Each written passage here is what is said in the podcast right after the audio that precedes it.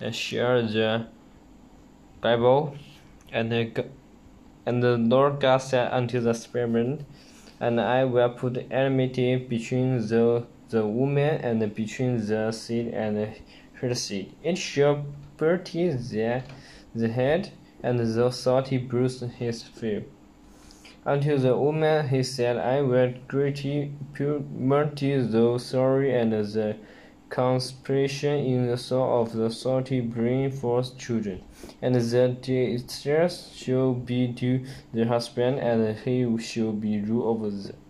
And unto Adam he said, Because thou hast the hair kindled unto the voice of the wife, and hast eaten of the tree, of which I command the saying thou shalt not eat of it, cause it is garden gar, ground of for the sake. In the forest shalt thou eat all of it, all the days of the life, so also the tissue it bring forth to. The soul shalt eat the hoop of the field, and eat the sweet of the face shalt thou eat the bread till the return unto the ground, for out, for out of it was the taken.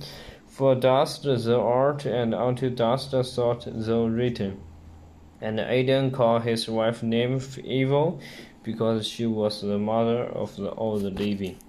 Unto Adam, unto Adam also to his to his wife did the Lord, Lord God make cause of the sin and close them.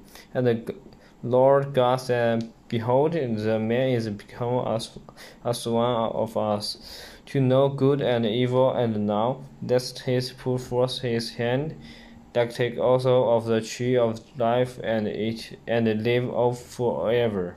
Therefore the God the Lord God sent him forth from the Garden of Eden, to till the ground from the whence he was taken.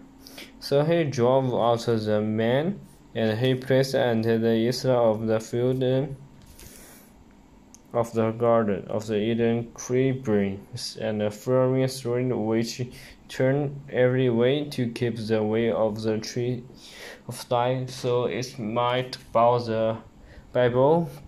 I share in the Bible, and I will talk about the next one, the Bible too.